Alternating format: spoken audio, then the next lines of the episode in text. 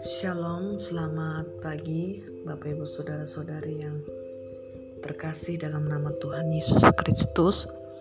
Puji nama Tuhan, kita mengucap syukur kepada Tuhan pada pagi hari ini di mana Tuhan telah menuntun kita sehingga kita dapat kembali menikmati hari yang baru.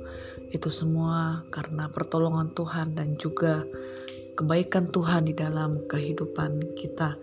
Nah Bapak Ibu Saudara pada hari ini sebelum kita beraktivitas kita akan mendengarkan renungan dan mari kita bersatu di dalam doa. Terima kasih Tuhan buat hari ini kami bersyukur buat kasih setia Tuhan yang tidak pernah berkesudahan dalam kehidupan kami. Dan saat ini Tuhan kami rindu untuk mendengarkan sebagian dari firman Tuhan. Kiranya Engkau Allah yang berbicara, menolong kami, menuntun kami sehingga firman-Mu kembali membuka pikiran kami dan kami bertumbuh akan kebenaran firman Tuhan. Berfirmanlah ya Tuhan, kami siap mendengarkan.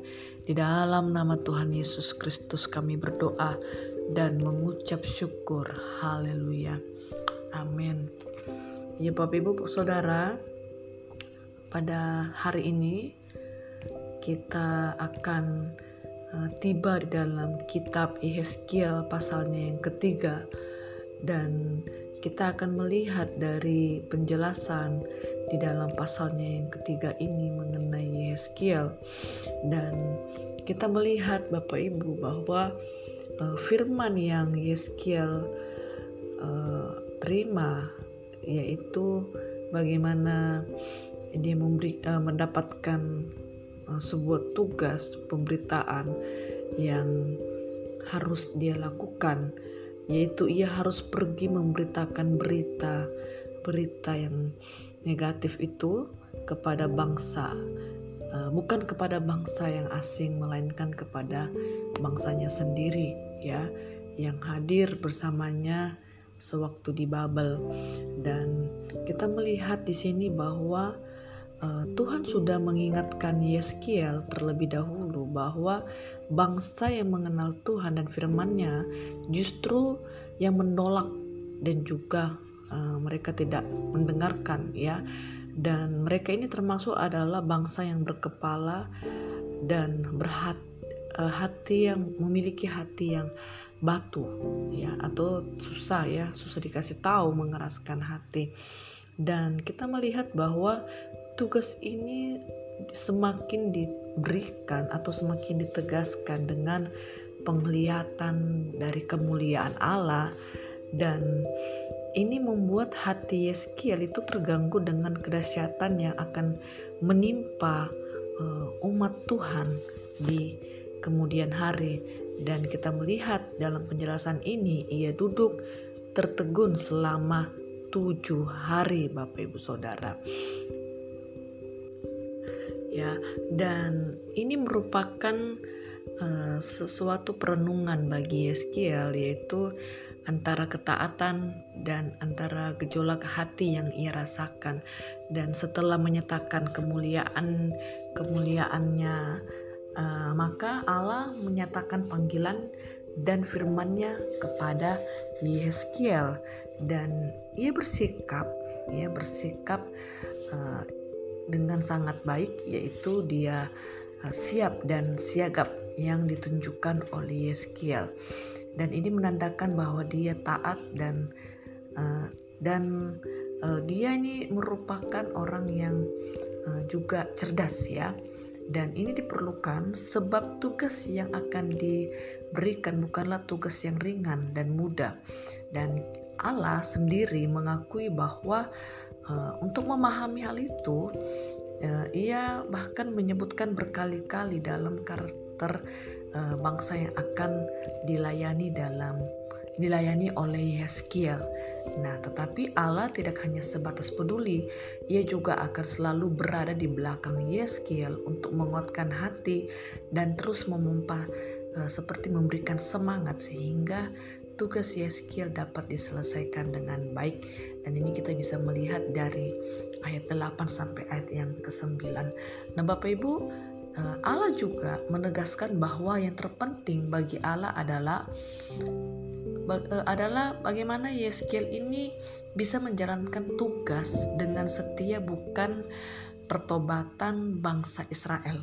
Nah, ini tidak berarti bahwa Allah hanya peduli kepada pelayannya dan mengabaikan pertobatan manusia, sebab tujuan misi Yeskiel adalah bagaimana supaya bangsa Israel ini mengetahui bahwa ada seorang nabi Allah di antara mereka dan bahwa mereka sudah diberi kesempatan untuk bertobat.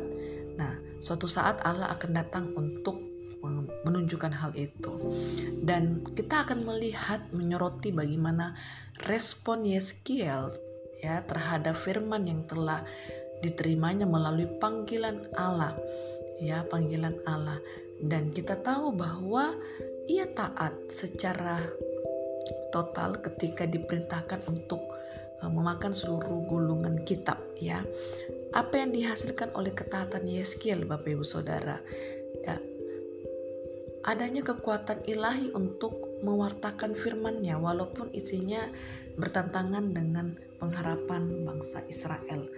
Dan kita melihat eh, selain itu emosi Yeskiel juga bergelojak bergelojak ya yang disebabkan karena gabungan dua pemikiran yaitu ia merasakan ketidakadilan Allah yang mengutus dirinya dengan tugas yang berat serta ia uh, melihat dirinya dengan perasaan Allah terhadap umatnya yang senantiasa memberontak ya.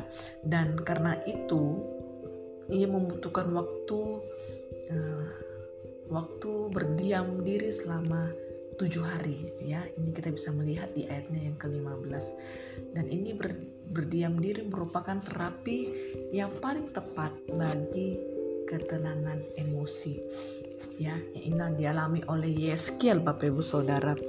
Dan Bapak Ibu ini berbicara mengenai panggilan panggilan yang dialami oleh Yeskiel. Bagaimana dia harus melayani orang-orang secara sengaja itu menentang dan menantang Injil di dalam pelayanan yang telah diberikan. Emosi mereka pasti sering kali bergejolak ya kadang baik dan kadang tidak baik Bapak Ibu. Dan kita melihat dari sisi uh, karakter karakter yang dimiliki oleh Yeskiel bahwa bagaimana dia bisa uh, akhirnya dia berani dan juga dia bisa memberikan dirinya oleh karena tentu ada panggilan yang berharga dalam kehidupannya.